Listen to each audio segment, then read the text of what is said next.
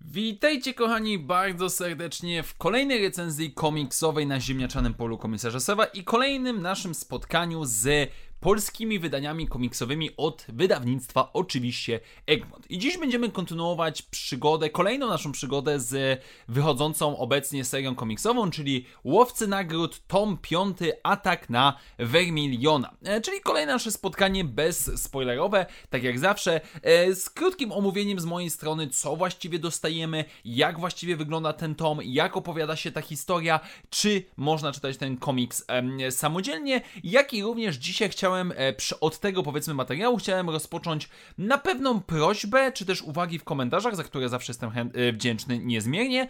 Um, chciałem w sekcji dotyczącej rysunków, e, możecie sobie na YouTubie przeskoczyć do tej odpowiedniego elementu, e, do tego odpowiedniego fragmentu. Wrzucę kilka przykładowych e, stron z angielskich wydań, żebyście mogli zobaczyć o których rysunkach właściwie mówię, jak one właściwie się prezentują, tak żebyście mogli mieć większy przegląd tego, czy warto, czy nie warto waszym zdaniem kupować oczywiście ten tom. Tak więc nie przedłużając, zacznijmy nasze dzisiejsze spotkanie, czy też raczej udział w ataku na Vermiliona.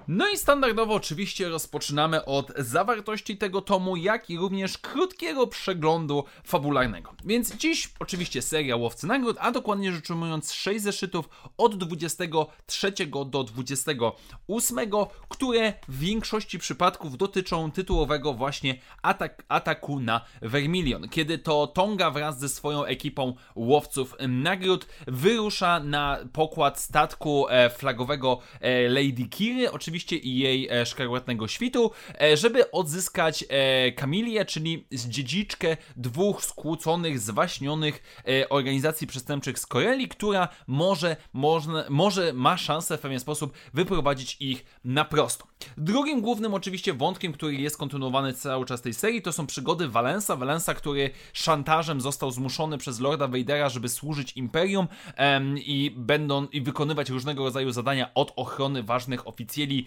poprzez walkę oczywiście ze szkarłatnym świtem, który zaczyna mieć um, pewnego rodzaju dylematy moralne. Czy to, co robi, rzeczywiście jest aż tak złe, czy relacje jego i innych bliskich mu osób, czy też osób, z którymi współpracuje, mogą być czymś więcej niż tylko służbowe i przymusowe, i który cały czas zmaga się ze swoją niepewnością co do własnego e, ludzkiego aspektu, biorąc pod uwagę, że praktycznie cały jest można powiedzieć, cyborgiem. I oczywiście to wszystko są przeplatane różnego rodzaju wątki poszczególnych łowców nagród, czego e, jedną z głównych ról tutaj oczywiście będzie odgrywał Dengar, jak i również wątki kontynuowane pomniejszych bohaterów, którzy przewijali się przez całą tą serię komiksową do tej pory.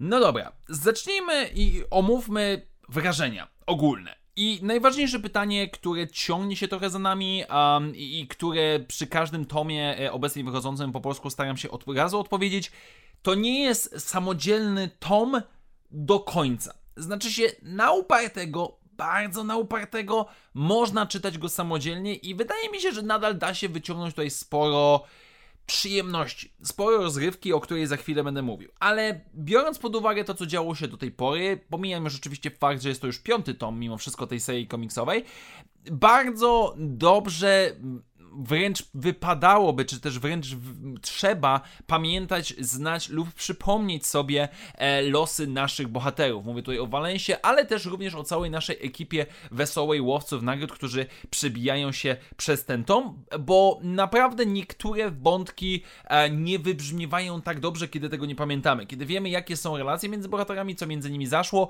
no to zdecydowanie to, co tutaj się dzieje, odgrywa, czy też działa na nas o wiele lepiej. No dobrze, ale mając to za sobą, jak prezentuje się atak na Verminiona? Po pierwsze, nie jestem autentycznie pewien, czy to jest dobra odmiana, znaczy się, wydaje mi się, że jest tak, skoro została przeszła przez e, korektę i sprawdzane, więc, więc zaufam tutaj e, tłumaczom od wydawnictwa Egmont. Natomiast co do samej zawartości. Strasznie mi się podobał ten tom. E, to jest pewnego rodzaju, powiedziałbym, taka pigułka tego, czym jest seria Bounty Hunters, czy też Łowcy Nagród i czym ona potrafi być w każdej swojej najlepszej odmianie. Bo z jednej strony mamy tutaj łowców nagród, mamy tutaj ekipę łowców nagród, którzy przez zdecydowaną większość tego czasu z kimś się naparzają. Oczywiście za każdym razem ich szanse są niewielkie, za każdym razem muszą kombinować, cwaniakować, e, porywać się do jakichś szaleńczych planów, szczególnie pod koniec tego tomu, więc to jest świetne. Mi, mi, mi się to strasznie podoba. Pod względem takiego naparzania się, mordowania naprawdę całych zastępów przeciwników, przebijania się, męczenia się, e, rzucania one-linerami. Pod tym względem ten tom jest bardzo, bardzo dobry i daje tą radochę. To jest, to jest, to jest właśnie ten moment, kiedy po raz kolejny czuję, że czytam komiks, który jest trochę w duchu e, filmów akcji z lat 80., um, gdzie mamy dwóch lub więcej głównych bohaterów, którzy przebijają się przeciwników, rzucają sobie jakieś one-linery, nabijają się z siebie nawzajem i tak dalej. I pod tym kątem to naprawdę działa, szczególnie pod względem graficznym, o czym będę mówił za chwilę. Z drugiej jednak strony, ten komiks, ten tom, jak i również cała ta seria pod tym płaszczykiem mięśni, strzelania, one-linerów i tak dalej, ma nam coś do może nie tyle przekazania, co pokazuje nam ludzi, którzy mają swoje emocje. Wątek, nazwijmy to um, zwierzęcy, nie, żeby nie spoilerować za bardzo, który pojawia się w tym e, tomie, jest, może wydawać się trochę śmieszny, ale też jest jednocześnie tragiczny.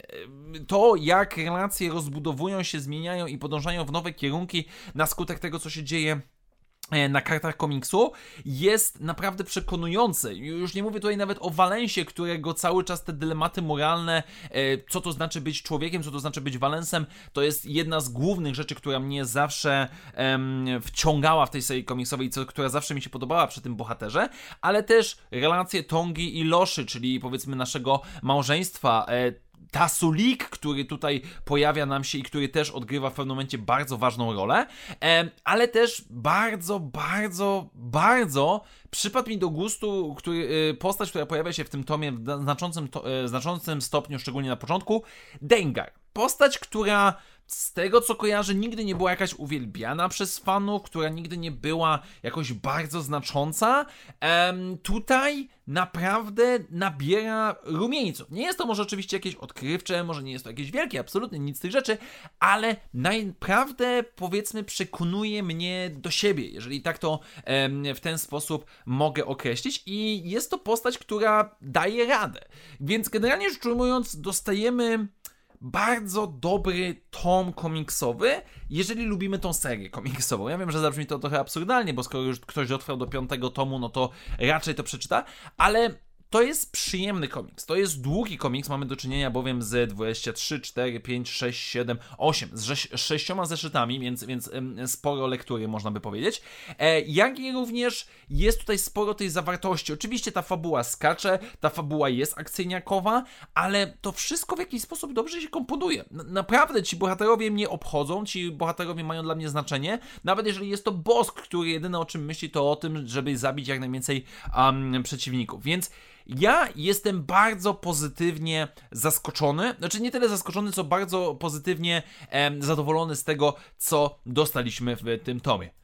I teraz właśnie przejdźmy do tej części artystyczno-tłumaczeniowej, jeżeli tak to mogę nazwać, ponieważ oczywiście komiks cały czas jest pisany przez Itana, Itana Saxa i, i powiedzmy zachwyty nad jego e, pisaniem e, powiedziałem przed chwilą, ale teraz nieco więcej słów na temat warstwy graficznej, ponieważ zazwyczaj głównym rysownikiem um, tej serii komiksowej jest Paolo Villanelli, który w tym przypadku rysuje zeszyty od 24 do 28 i on jest stworzony do tej serii komiksowej. Jakby naprawdę jego umiejętność o pokazywania akcji, pokazywania tej takiej kiczowatości, ale dobrej, jak i również oddawania emocji e, głównych bohaterów za pomocą ich mimiki, twarzy, ruchów jest naprawdę super. Jakby naprawdę Paolo Villanelli to jest jeden z moich ulubionych rysowników gwiezdnowojennych, który e, nadaje się do rysowania tej akcyjniakowatych aspektów e, oczywiście przygód naszych bohaterów. Natomiast jest mały wyjątek, ponieważ pierwszy zeszyt, 23, jest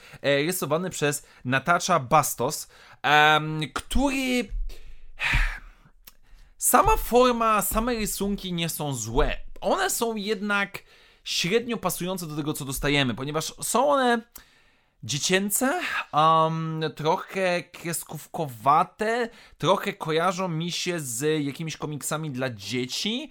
Um, nadal mimo wszystko to, co mamy dostać, dostajemy i to jest dobrze za zaprezentowane, ale mocno wybija. Bardzo mnie cieszy mimo wszystko, że e, ten tylko jest tylko jeden zeszyt, bo e, cały tom po prostu nie działałby, wydaje mi się, tak dobrze, jak działa teraz no, jest jakaś odskocznia, zakładam, że może nie było czasu, e, albo powiedzmy był zapracowany kalendarz różnych rysowników, to się oczywiście zdarza, nie pierwszy, nie ostatni raz, ale no czuję się trochę głupio, bo jakby wysok, tak wysoko została postawiona poprzeczka przez głównego rysownika, że ten e, poboczny twórca e, no nie za bardzo w pewien sposób to działa. Natomiast jeżeli chodzi o polskie wydanie, nie mam, nie mam żadnych uwag, a nawet jestem powiedziałbym zaskoczony pozytywnie, bo oczywiście na końcu komiksu mamy e, przegląd alternatywnych okładek, jak i również e, nowości, czy też powiedzmy pozycji od wydawnictwa Egmont. Każdy zeszyt zaczyna nam się e, okładką, czy też powiedzmy stroną z okładką i z tytułem danego zeszytu, jak i również na samym początku dostajemy japońską okładkę alternatywną dla zeszytu 23 z Dengarem i Boskiem i naprawdę przyjemna rzecz, że Egmont sięgnął nie po alternatywną okładkę z z, ze Stanów Zjednoczonych, tylko z jakiegoś innego kraju. No i poza, powiedzmy, prawdopodobnie moim brakiem wiedzy na temat tłumaczeń, czyli ten atak na Vermiliona, co po prostu dla mnie brzmi trochę dziwnie, ale pewnie jest jak najbardziej w porządku. Ja nie zauważyłem żadnych problemów tłumaczeniowych, tutaj jak najbardziej jest wszystko w porządku, przyjemnie się to e, czyta. Jak najbardziej po raz kolejny Egmont dostarcza solidnie wydany komiks. Tak więc, moi drodzy, jak mogę podsumować i zachęcić lub nie, albo ocenić raczej um, piąty tom przygód naszych łowców nagród, czyli atak na Vermiliona. W dużym skrócie, jeżeli do tej pory podobała Wam się ta seria komiksowa, jeżeli podoba Wam się jej e, charakter, jej, jej różnorodność, jeżeli chodzi o akcję i dramat, to będziecie moim zdaniem naprawdę zadowoleni, bo to jest cały czas ten sam poziom. E, trochę podniesiony do góry, trochę lepszy, bo zdecydowanie to, co tutaj dostajemy, jest przyjemne po prostu w czytaniu. A jeżeli nie czytaliście do tej pory tej serii komiksowej i zastanawiacie się, to naprawdę zachęcam, żebyście sięgnęli po wcześniejsze tomy. Ten teoretycznie da się czytać samodzielnie, ale dużo, dużo przyjemności moim zdaniem stracicie i wiele rzeczy powiedzmy może wydawać wam się niezrozumiałe, e, a szkoda, bo mimo wszystko historia jest na tyle dobra, że warto się z nią zapoznać moim zdaniem w całości. Tak więc dziękuję wam bardzo serdecznie za dzisiejsze spotkanie, mam nadzieję, że chociaż trochę wam się podobało i standardowo przypominam, że jeżeli chcecie, to zapraszam was bardzo serdecznie do zafundowania kawy, do której link znajdziecie w opisie tego materiału. Tak więc dziękuję wam bardzo serdecznie, do usłyszenia w następnym materiałach i jak zawsze, niech moc będzie z wami. Na razie, cześć!